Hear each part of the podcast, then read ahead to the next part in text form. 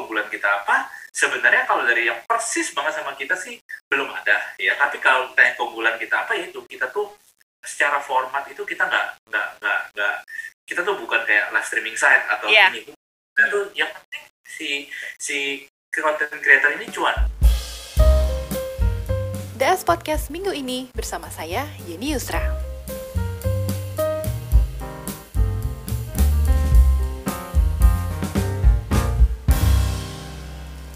Albert, apa kabar? baik halo Yeni Oh my god, we've known each other since uh, 2015 Albert dan sekarang lo udah ketip-tip nih uh, Ya, ya. kesibukannya. ya ya Before we dive in into the conversation dan dig in more about tip-tip, mungkin Albert bisa cerita nih da- dari doku, eh sorry dari doku, oh, oh, dari kudo, ya ya ya. kemudian ke Grab, kemudian ke OVO. Itu Ya. journey-nya seperti apa sih? Apakah smooth sailing atau up, Ya, ya. ups and down?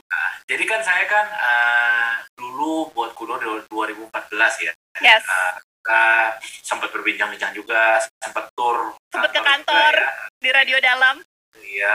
Eh, 2017 itu dua setengah tahun dari kita dibentuk itu kita eh, memang di approach sama Grab ya hari Iya. itu akuisisi. Nah, pemikirannya hari itu adalah Kudo itu kan punya jutaan warung dan agen-agen tersebar di satu Indonesia. Nah, Yes.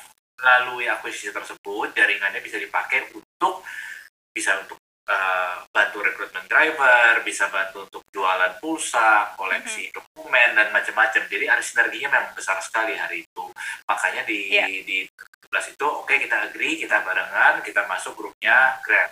Oh itu uh, hari itu uh, merupakan akuisisi terbesar Yes. yang yang uh, yang Grab juga lakukan dan kalau kita lihat akuisisi di Asia Tenggara juga itu hari itu belum ada deh M&A belum belum I, I, I still remember. Itu tahun berapa sih? Oh, 2017. 2007. Nah, dua Oke. setengah tahun sejak kita di di di di didirikan tuh kita di acquire dan Oke. Saya sendiri juga hari itu sama co-founder saya Agung juga Yes. waduh ini mana nih ya ini ini uh, kita uh, ber- bergabung sekarang atau gimana tapi uh, smooth selling sih ya kalau kita lihat maksudnya journey-nya Hmm. integrasinya kalau kita lihat M&A itu ada yang gagal ada yang berhasil ya Iya. kalau kita lihat yang gagal tuh misalnya habis dibeli orang-orangnya pada keluar semua Yes. terus uh, apa orang peranda integrasi yang nggak jalan kita enggak Hmm. gitu kita Hmm. uh, saya di grupnya Grab ada ada tahun lebih gitu ya dan dan kita juga apa namanya terintegrasi dan masuk ke ke bagian dari Grab Grab uh, Indonesia lainnya gitu. Nah Oke. salah satu uh, uh, company yang terafiliasi dengan Grab yang saya bantu itu adalah uh, OVO gitu kan. Yes. Nah, saya hari itu di OVO itu sebagai direktur dan juga sebagai uh, chief product ya. Jadi kita tuh uh, mau buat apa produknya tuh supaya bisa diterima oleh uh, sebagai kebanyakan besar masyarakat Indonesia yang hari itu di tahun 2017, 2018 itu masih uh, uh, uh, era era iman itu sudah berbeda dengan sekarang. gitu. Iya. Sekarang kan sudah QRIS di mana-mana ya sudah Yes. sudah- belum dulu kan masih perangkatnya masih banyak metodenya masih masih belum diterima di mana-mana di online Ha. gitu. jadi era-era awal-awal eh, iman itu kita justru dorong di sana nah jadi journey-nya lancar. Nah kebetulan di tahun 2021 kemarin em, saya tuh eh, ada take personal leave ya. Saya take personal leave eh, ada beberapa bulan untuk ya Rika udah udah udah lumayan lama gitu ya Hmm. untuk, untuk eh, cari inilah apa namanya inspirasi. Dan kebetulan di 2021 bulan Oktober yang menjelang November itu kita kebayang gimana kalau kita buat perusahaan lagi yang bergerak di bagian content creator. Nah itulah uh, you know, jadinya tip-tip. Nanti saya bisa saya bisa ceritain itu kenapa kok bisa Oke. ke sana kurang lebih secara timeline dari dari Kudo ke ke OVO dan ini tuh kurang lebih sih begitu. Oke. Tapi kan kalau kita lihat Kudo salah satu blueprint sukses ya untuk uh, bisnis yang sekarang istilahnya social commerce nih Albert, correct me if I'm wrong. Yang sekarang banyak banget di, dijalankan oleh uh, startup asing hingga lokal gitu. Ya. Kenapa akhirnya Albert shifting nih dari financial dari fintech yang sangat-sangat seksi di Indonesia kemudian shifting jadi creator ekonomi nih based on apa Albert? Apakah masukan atau memang ada personal passion dari Albert? Sebenarnya saya tuh em, dari bisnis pertama saya ya Pudo, saya tuh passion dengan em, bagaimana caranya teknologi bisa ngebantu orang banyak. Ya, Oh. Kuncinya sih cuma itu, bagaimana caranya teknologi itu bukan hanya oh cool AI apa high end tapi penerapannya itu bagaimana gitu. Nah itu yang saya saya dari dulu tuh konsepnya cuma satu. Nah, dulu pertama di Kudu, saya kan uh, buat aplikasi supaya masyarakat menengah ke bawah yang agak gaptek pun bisa mendapatkan income dan bisa uh, berdagang digital gitu ya. Jadi dia bisa jualan hmm. barang di kampung-kampung dan earning income. Jadi kalau saya sukses itu company itu sukses, si masyarakatnya juga sukses yang menjadi bergabung dari agen ini karena mereka bisa mendapatkan income gitu kan. Oke. Okay. Saya pas kebetulan di di Grab di OVO kemarin juga premisnya sama ya di Grab itu kan uh, uh, about helping ya uh, komunitas yes. driver, komunitas merchant ya biar mereka bisa mendapatkan income lebih. Yeah. Kemarin tolong sekali pas pandemi juga gitu kan. Mm-hmm. Jadi kalau kebayang nggak kita pandemi nggak bisa take away makanan jadi apa itu kemarin kan uh, apa restoran di OVO juga itu hari itu yeah. Iya. uh, pas pandemi itu juga oh kerasa kan orang tukar uang itu apa ya uh, agak ini ya pegang cash agak serem ya hari itu ya jadi uh. digital itu lebih lebih aman lebih enak itu terasa jadi kan itu yeah. ada manfaatnya teknologi itu ada jelas berguna bagi nah kalau kita melihat ke titik ini kenapa kok tahu-tahu content creator gitu ya yes. kita melihat kendala sebenarnya kendalanya itu content creator sekarang kalau kita ngomong bahasa content creator ya uh-huh. mendengar term content creator kita langsung kepikiran influencer influencer yeah. orang yang tiap hari ngepost eh begini begini gue yes. gue di sini gue di sana uh-huh. uh, followernya udah udah udah satu juta mungkin lima puluh ribu yeah. atau seratus ribu gitu kan kita selalu kebayangnya hmm. ke sana padahal okay. Content creator itu banyak sekali dan banyak yang nggak bisa monetisasi jadi kalau sekarang itu kendalanya adalah semuanya yang di dunia content creator itu kebanyakan pakainya tuh advertising, clicks, AdSense ya. Ya. Uh-huh. Nah, jadi kan kalau gua buat konten bagus banget, tapi itu nggak viral video, hmm. ya percuma nggak ada yang ngeklik, nggak ada yang ngefollow, dan yeah. nggak uang gitu. Nah, uh-huh. itu problem sekarang. Jadi kita melihat banyak sekali orang yang sebenarnya jago. Yeah. Contoh posisi di kota mana, hmm. ibu-ibu yang jago masak rendang, itu kan mungkin IG friends-nya mungkin cuma 500 yeah. apa cuma temen-temennya doang gitu tapi dia ada komunitas sebenarnya di, di WA grup lah di Telegram grup uh. yang suka uh, masakan ibu ini nah banyak sekali konten creator seperti itu yang sebenarnya kalau dia buat nih dia mau nge-sharing resep nah, rendangnya kayak apa sih gitu mm-hmm. itu kalau di post di situs-situs sekarang yang macam situs video seperti YouTube atau atau atau TikTok mm-hmm. nggak akan terjadi apa-apa ya, karena itu tadi kontennya bisa bagus tapi dia dia sendiri itu nggak punya followership atau audience gitu nah yeah. kita mendirikan titip ini kita pilih platform uh, yang tujuannya itu adalah kita mau menjembatani itu di antara creator sama supporternya langsung si creator bisa ngepost uh, karya digital mereka apa bisa melakukan sesi satu one on one tanya jawab hmm. dan si uh, supporter atau follower ini bisa apresiasikan langsung melalui tipping, melalui tipping atau melalui donasi atau melalui uh, uh, purchase ya yeah. pembelian dari konten digital mereka tersebut. Nah, jadi sebenarnya ini essence dari bisnis ini itu mirip sekali kan. Ini kan kita pemberdayaan manusia dan kita membawa teknologi kita berikan kepada orang-orang uh, ini agar mereka bisa mendapatkan income lebih banyak. Sebenarnya bisnisnya yeah. mirip sekali sama Kudo loh. Mm. Kalau banyak orang yang nah ini ya tapi Kudo itu kan agen network ya uh-uh. creator network gitu jadi paralelnya sebenarnya besar sekali yeah. cuman beda aja gitu in a way mungkin Albert ingin me, uh, replik, uh, replika yang apa yang sudah sukses di Kudo tapi in, ini uh, dunianya beda nih ya kreator ekonomi ya which is itu adalah kita mau uh, empower yes. empower uh, human ya empower yeah. manusia untuk mereka bisa uh, lebih apa lebih lebih bisa berprestasi bisa menghasilkan income kan mm. cuman ini industrinya berbeda gitu karena yeah. kemarin kita ngomongin agen Uh, sekarang kita ngomonginnya uh, content creator. Iya, yeah. good for you Albert udah menemukan formula yang pas meskipun sektornya berbeda ya. Tapi in yeah. terms of kompetitor nih Albert, kita kan juga ngelihat di Indonesia sekarang lagi hype banget ya, bahkan investor juga mengucurkan uang banyak seperti East yeah. Ventures gitu ya dan beberapa visi lainnya uh, what makes you so different sih dengan platform yang lainnya? Apakah dengan pengalaman di Kudo itu yang membuat tip-tip menjadi berbeda dengan platform serupa di Indonesia saat ini, Albert? Ya. Um, kalau kita ngomong kompetisi dan um, apa namanya siapa aja player di, di main di yeah. Keunggulan kita apa gitu ya. Pertama kita melihat industri player. Uh, hmm. Ada yang sosmed yang gede-gede itu ya, IG apa yang internasional kan itu sudah banyak ya. Yeah kita nggak melihat mereka sebagai kompetitor, justru oh. kita tuh meli kita tuh rely on mereka jadi artinya apa orang-orang yang tadi yang saya bilang ibu-ibu Hmm. punya WA grup WA kan punya punya si Meta juga gitu kan Iya. ya Uh-huh. justru kita mau mereka itu ngepost di WA grup dia di Telegram grup dia di IG mereka Mhm. eh gue buat konten nih di di tip-tip tolong supportnya ya tolong support Hmm. tolong dibeli Uh, jadi gue bisa terus Hmm. make good konten gitu justru kita Iya. rely on network network mereka yang sudah ada maupun itu mau menggunakan forum mau menggunakan WA group Mhm.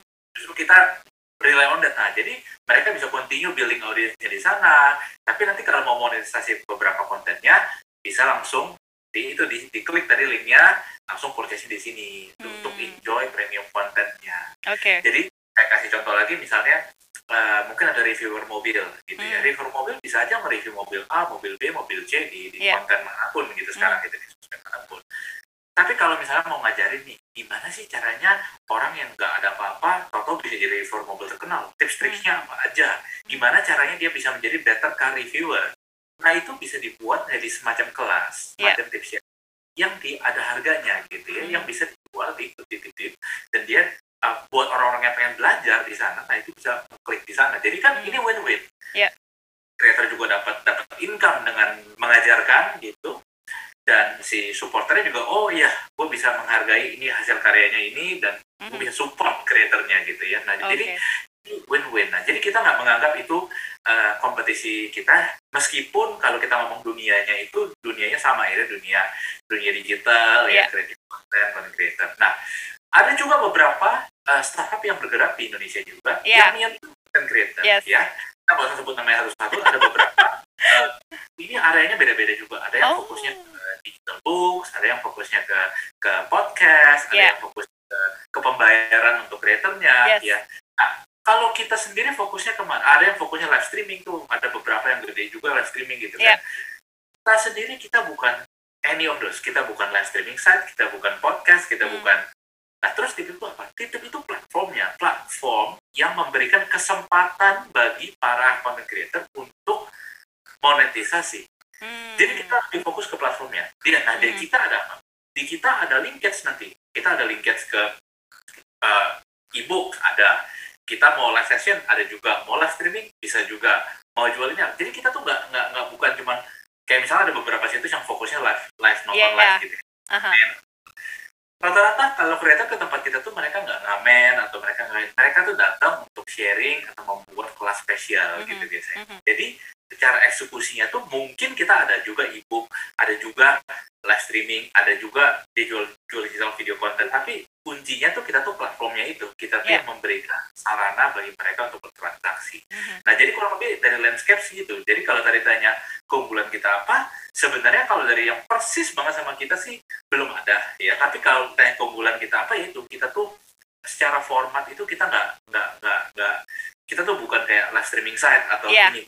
Kita tuh yang penting si si content creator ini cuan gitu. Nah, gimana cara bantu mereka gitu. Yes. Nanti mungkin juga branding deals ya kita Ya. Siapa mau launching kamera baru, nah kita cari untuk creator-creator yang bagus di sini, kita berikan opportunity ke mereka gitu. Jadi Oke. ya, jadi kita tuh nggak nggak nggak nggak terikat ke satu Ya. metode. Kurang lebih Oke. itu. Tapi in terms of teknologi, eh, Albert, apakah untuk platform seperti ini eh, semuanya harus advance nih? Atau kalau kita kembali lagi ke Kudo, dulu kan Albert sempat eh, bicara untuk supaya lebih masif lagi edukasinya, tidak terlalu advance juga asal eh, useful gitu ya dan mudah dimengerti itu bisa applicable kok. Kalau di konten creator dan eh, eh, creator ekonomi ini in terms of tek- teknologi harus advance atau biasa-biasa aja sih Albert? Ya, jadi ini ada beberapa perbedaan ya, ada beberapa Oke. perbedaan. Um, kalau kita dulu di Kudo kan kita ada jualan pulsa, jualan Ya. online ya. Aha. Itu kan e-commerce in a way ya. Kalau Ya. e-commerce itu kan produk yang dijual itu e-commerce itu hanya marketplace perantaranya gitu Ya. kan. Ya, Mhm. uh, kalau saya beli PlayStation, ya kan PlayStation barangnya PlayStation gitu, mau dijual di online Ya. gimana PlayStation. Jadi kalau situsnya tuh lebih sederhana, lebih lebih mungkin uh, yang basic, mungkin masih nggak apa-apa asal pricingnya bagus, layanannya Mhm. bagus, deliverynya bagus gitu ya Mhm. banyak sekali kayak uh, situs besar seperti bahkan Amazon di Amerika situs pertamanya ya ya kacak aduk gitu kan gak jelas. Iya. Tapi kalau kita melihat situs yang lebih experience based gitu ya. Okay. Ini yang kita jual tip-tip ini kan sekarang produknya digital seperti video, konten Yeah. online. Kalau kita melihat Netflix pertama kali gitu kan juga Simple ya. banget situsnya, Uh-uh, simple, banget gitu. Maksudnya Yeah. rapi, jalan. Nah itu yang kita kejar juga karena ini ada perbedaan gitu. Kalau Hmm. kemarin itu saya jualan barang atau jualan pulsa yang di Hmm. mana notabene SKU-nya itu nggak terkait ke website saya gitu kan. Iya. Habis dia beli, dia harus putar videonya di tempat saya. Yes. Nah kalau dia putar itu nge-lag, nggak ada atau crash, nah itu Over. saya gitu. Nah itu jadi agak sedikit berbeda. Oke. Nah, juga terkait ke approach kita dari hiring team. Hiring team Hmm. engineering kita juga lumayan heavy dari awal. Kenapa? Ya itu tadi karena Oke. Video streaming, video uh, uh, encoding, distribution ini lumayan lumayan berat dibanding uh, uh, dibanding typical uh, mungkin E-commerce enabler ya. Ya, jadi Hmm. agak agak agak sedikit berbeda sedikit. Oke. Tapi uh, ini full web atau uh, uh, su- apa pushing ke apps nih, Albert? Ada ada di web, ada Oke. di aplikasi ya iOS, uh, Android Hmm. standar ya. Hmm. Tapi kurang lebih ya di perangkat yang standar lah kan consumer app sekarang. Menarik nih karena kalau kita lihat kan uh, like I mentioned before uh, kreator ekonomi dan turunannya ya uh, mulai dari pembiayaan, mulai dari pilihan opsi segala macamnya itu sekarang lagi happening banget gitu ya. Uh, investor juga menguncurkan. Kalau Albert ngelihat nih meskipun Albert baru di dunia ini tapi punya pengalaman banyak dengan konsep serupa ya. Ke depannya seperti apa sih lanskap influencer, kreator ekonomi, marketing influencer di Indonesia, apakah kita ngelihat udah mulai peaknya tuh kemarin nih, pandemi. Mungkin pandemi masih ada dan udah mulai melandai, trennya akan berubah lagi, Albert. Kalau kita ngeliat gini, tadi eh, yang saya bilang kan, eh, pertama kalau kita dengerin ekonomi kreatif, konten creator, yang ka- asosiasikan kita sekarang itu adalah influencer. Influencer. Itu kuat Aha. sekali asosiasinya. Iya, Kenyataannya, sekarang ini banyak, misalnya orang yang memberikan webinar, seminar online, banyak kan? Iya, Banyak iya. pernah lihat dong, se- Yes. seminar marketing lah, seminar Yes. apa, pemberdayaan, self motivation banyak. aha, Orang yang jualan barang digital juga banyak. Misalnya kemarin tuh ada satu cerita tuh yang yang di mana itu yang buat fotonya Gozali mungkin pernah dengar dijual orang. Iya. Itu juga content creator, itu bukan influencer. Yes. Bukan influencer, itu dia jualan uh, picture-nya online gitu kan. aha, Nanti ke depannya artis juga bisa buat jualan gambarnya online, jualan buku karyanya online, jualan buku resepnya online. Nah, hmm, jadi sebenarnya kalau kita ngomong ekonomi kreatif itu kita harus ganti persepsi ini bukan influencer marketing orang yang tiap hari ngepost di. Mana, eh guys, gue lagi nge-review ini hari ini, gue Yes. hari ini, ini begini. Itu itu itu itu satu kategori sendiri, itu nggak ada yang salah dengan Ah. itu. Itu iya, marketing gitu kan, itu nggak apa-apa. aha, Tapi kita tuh lebih besar dari itu. Gitu. Kita eh, secara size tuh influencer marketing salah satu kategorinya, tapi kita ada juga itu kategori-kategori yang di mana definisinya itu sebenarnya kalau kita cari di internet ya, apa termsnya itu apa? Passion economy creator. oke, Definisi passion economy itu apa? Orang yang menggunakan kalau nggak skillnya mereka, individuality dari mereka Iya. untuk monetisasi secara digital. Oh, Nah itu itu definisinya. Oke. Jadi kalau nggak skill, individualitas gitu kan individualitas juga bisa persona Iya. apa gitu ya. Tapi kalau skill itu tadi orang yang ngajarin cara masak gimana. Nah itu itu juga yes, eh, bukan influencer dia nggak dia nggak nggak diketahui siapa-siapa gitu, tapi Iya. ada pengikutnya gitu kan. Nah Iya. jadi ini banyak sekali loh. Sebenarnya kalau kita Hmm. melihat hidup kita sekarang ini sudah terjadi apa yang saya lakukan sekarang itu sudah Aha. terjadi dan melalui banyak hal. Iya. Misalnya klub BMW di Jakarta ya Mhm. ada dong klub BMW, klub Vespa, klub Iya. apa ada semua kan. Nah itu atau misalnya mobil pun klub Toyota Foxy ada di Indonesia ada gitu. Mhm. Nah dia masuk ke sana gitu terus em, rata-rata di di komunitas-komunitas tersebut itu ada pentolannya. Pentolan tuh key opinion leadernya gitu kan. Jadi mereka ketua grupnya atau atau orang yang suka ngumpulin orang gitu kan. Mereka ini ada influence di grup mikro tersebut gitu. Nah, secara follower by by IG atau by FB atau apa nggak banyak. Mereka mungkin membernya cuma 200 300 orang.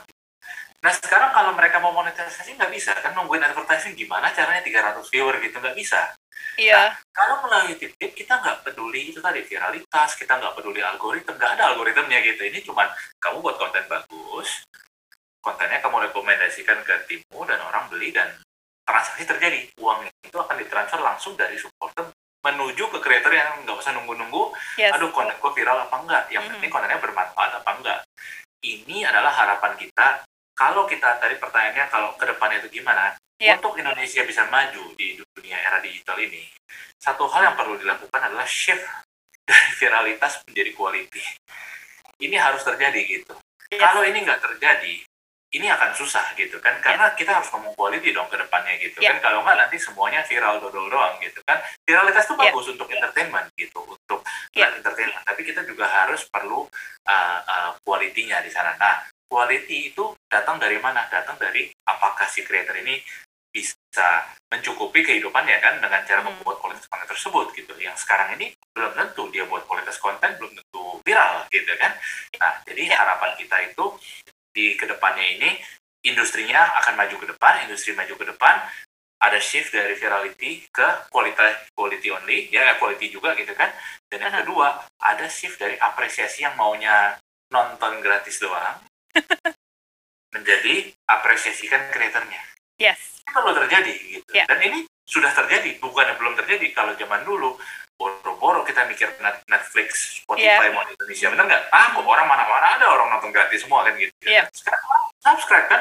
Itu video di subscribe kan? Bisa baca beritanya di internet Ya. kan gitu. Nah, Netflix Spotify itu orang bayar semua kan? Yes. ya, artinya kan sudah mulai terjadi nih shifting menjadi dia bayar untuk apresiasi karya-karya orang. Nah kita akan mengikuti tren tersebut dan harapannya ke depannya semakin matang Mungkin istilahnya mendemokratisasi ya Albert ya eh, talent-talent. Nah, itu kan banyak ya orang Ah. term itu. Simpel aja sih. Kalau kalau saya ini demokrasi itu bahasa yang menurut saya orang nggak banyak mengerti maksudnya apa. Iya, Gitu. Kalau i- saya sih maksudnya very simple. Maksudnya Oke. itu adalah mau industri itu mature, industrinya lebih dewasa, yes. lebih matang dengan cara itu. Orang harus bisa menghargai, menghargai kualitas dan menghargai karya digital gitu. Iya. Menghargai itu di, bukan hanya menikmati secara gratis tapi juga ya, appreciate gitu kan. Kalau kamu lihat barang Yes. bagus kan beli gitu kan, bayar Iya. gitu kan. Nah, ini harus terjadi. Kalau Iya. ini terjadi, kan win-win. Industrinya maju, kreatornya juga akan maju, kreator maju, kualitasnya juga lebih bagus. Oke. Kas- Kualitas bagus, pelanggan juga lebih happy. Nah, ini mestinya ke depannya begitu. Dan so far arahnya udah ke sana ya Albert ya. Orang udah mulai mature ya. Ya, iya. Yes. Kemarin kita juga kan, kita ada kerjasama sama, sama, sama Pak Triawan juga ya. Pak Triawan juga kemarin di, di uh, Backcraft, dia juga benar-benar Yes. peduli sekali di Hmm. hal ini gitu. Mhm. Ya kalau memang kita Indonesia mau mau maju ke depan dan menjadi saingan dengan negara-negara yang yang besar yang intellectual property-nya sudah kuat gitu kan industri Ya. kreatifnya benar-benar jalan ya kita harus apresiasikan aktor-aktornya dong gitu kalau Ya. aktor-aktor yang nggak diapresiasikan ya bagaimana caranya gitu gimana caranya bisa berkembang nah kita mau menjadi platform yang allow itu supaya orang-orang itu yang kreatif yang ini benar-benar bisa mencari income dari sini dan Yes. diapresiasikan gitu bukan hanya yang oh gue viral hari ini Viral. eh, penonton gue satu juta orang gue cuma joget-joget gak jelas doang gitu ya nggak apa itu itu itu, itu, satu, itu satu form of entertainment Ya. yang tidak salah gitu cuma kalau kita mau industrinya move ya kita harus juga mengembangkan yang yang kualitinya di mana nah itu Oke. poin saya di sana Terakhirnya Albert, what next nih untuk tip-tip? Fokusnya lebih ke apa? Uh, hiring lebih banyak tim atau acquisition atau ed- edukasi, marketing campaign? You've been doing this for quite a long time. Pasti ada strategi khusus dong dari Albert dan tip-tip dari tim sendiri. ini tip-tip lagi kita lagi beruntung sekali kita tuh tadi kalau kita melihat industri industrinya lagi berkembang dan lagi hot ya dan Yes. topik di mana orang-orang ini mau kebebasan apa istilahnya itu ya kalau bahasa Inggrisnya tuh financial freedom gitu jadi artinya dia mau mau bebas melakukan apa yang mereka suka gitu tapi Yeah. mereka itu ini lagi ngetrend sekarang di terutama di Aha. kaum muda gitu terutama Yeah. ya jadi kita riding on the uh, trend di mana orang tuh lebih familiar dengan video buat uh, interview secara digital buat konten secara digital jualan konten secara digital itu kita riding trend di sana Mhm. jadi kita nih lagi memang growth-nya kita beruntung kita karena kita ngikutin tren-tren tersebut gitu kan Ya. dan yang kedua uh, secara company memang kita dari dari dari tahun lalu tuh kita sudah siapin gitu kita kan udah melihat nih ini dunia dunia apa dunia startup dunia ini kan sekarang beritanya lumayan uh, Yes. mengkhawatirkan Yes. tapi actually kalau kita dari company kita udah bilang dari bulan Januari bulan uh, Q1 Q2 tahun lalu tuh kita udah bilang bahwa ini ini akan terjadi begini Hmm. makanya company harus bagaimana. Jadi kita dari segi hiring, dari segi apa, kita memang sudah hati-hati dari meskipun funding kita kuat, tapi tapi kita nggak berarti kita jor-joran kita Yoi.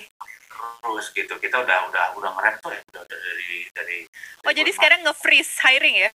Nah, actually kita hiring tapi kita tuh hiringnya tuh ini terbatas sekali dan kita benar-benar jaga di ini ya inflation dari salary-nya dari apa Oke. Nah, kita tidak Yes. perlu syukurnya tidak perlu tekan orang atau tidak perlu eh, apa namanya ngurangin gaji dan semacamnya Yeah. karena menurut kita itu tadi percuma ngapain kita hire banyak-banyak Mhm. and then lu mesti pecat orang Iya. nggak masuk akal gitu Yes. mendingan kita jaga jadi kita jaga dengan hati-hati jadi timnya itu berkembang masih tapi berkembangnya itu eh, nggak nggak eksplosif kalau dari segi angka nah jadi kalau tadi pertanyaannya ke depannya kita gimana number satu kita keren growth-nya dari industri ini kedua dari segi tim kita nggak eksplosif growth sampai eh, ini tapi tetap di area-area tertentu kita nggak nggak kita actually nggak pernah freeze hiring dan kita tetap hiring cuman terkontrol Yeah. terkendali nah itu yang kita perhatikan banget supaya kita seiring dengan ada adanya teknik ini kita tetap solid dan tetap bisa bertumbuh tapi bukan eksplosif yang nggak terkontrol Yes. gitu sih Sekarang sudah berapa sih timnya? Under 50? Mas 20 orang Bener, bener lean ya Albert ya? kalau dari, dari size kita itu lumayan lean ya karena uh, funding funding kita lumayan lumayan sizable juga Yeah. untuk seperti yang masih seed gitu ya cuman Yes. dan, dan itu kebanyakan dari tim kita actually engineering yang ngebangun uh, back end-nya gitu Yeah. ya Oke. apa namanya um, ya kita harap ini apa masa-masa tech winter ini cepat berlalu ya Yes. dan apa namanya uh, karena ini ini lus-lus buat semuanya gitu kan kita maunya ini kan Indonesia bisa kembali lagi ke ke ke, ke growth dan orang industrinya juga bisa lebih growth. Cuman kalau kalau dari titip sendiri ya udah kita kita ikuti itu growth uh, growth dari apa content creator tersebut dan dari company kita sendiri ya kita ini berkembang secara secara wajar tanpa tanpa tanpa over ini over hiring atau gimana gitu sih itu sih ke depannya kurang lebih 3 sampai enam bulan begitu. I believe deh apa yang lo lakukan Albert dan mungkin eh, gue ngelihatnya bakalan akan ada seperti kisah sukses diakuisisi oleh Grab atau siapa gitu ke depannya. Akuisisi. Kalau kita buat ini jangan mikir akuisisi dulu. gitu. Oke. Iya. Tapi I see a bright future uh, dengan your leadership Albert. Uh, Thank you. dilihat Makasih, dari success makasih. story sebelumnya ya. Iya, Oh. makasih, makasih. Kita we take the experience kan, Yes. kita ambil buat apa ke depannya sih kurang lebih gitu. Oke, terima kasih Albert atas Iya, waktunya. Ya. Kita Take tunggu care. update selanjutnya dari tip-tip dan sukses tahun depan ya buat tip-tip Indonesia ya. Makasih, sama-sama. Oke, sampai jumpa. Makasih tim Sosial, makasih. Das Podcast minggu ini bersama saya Yeni Yusra.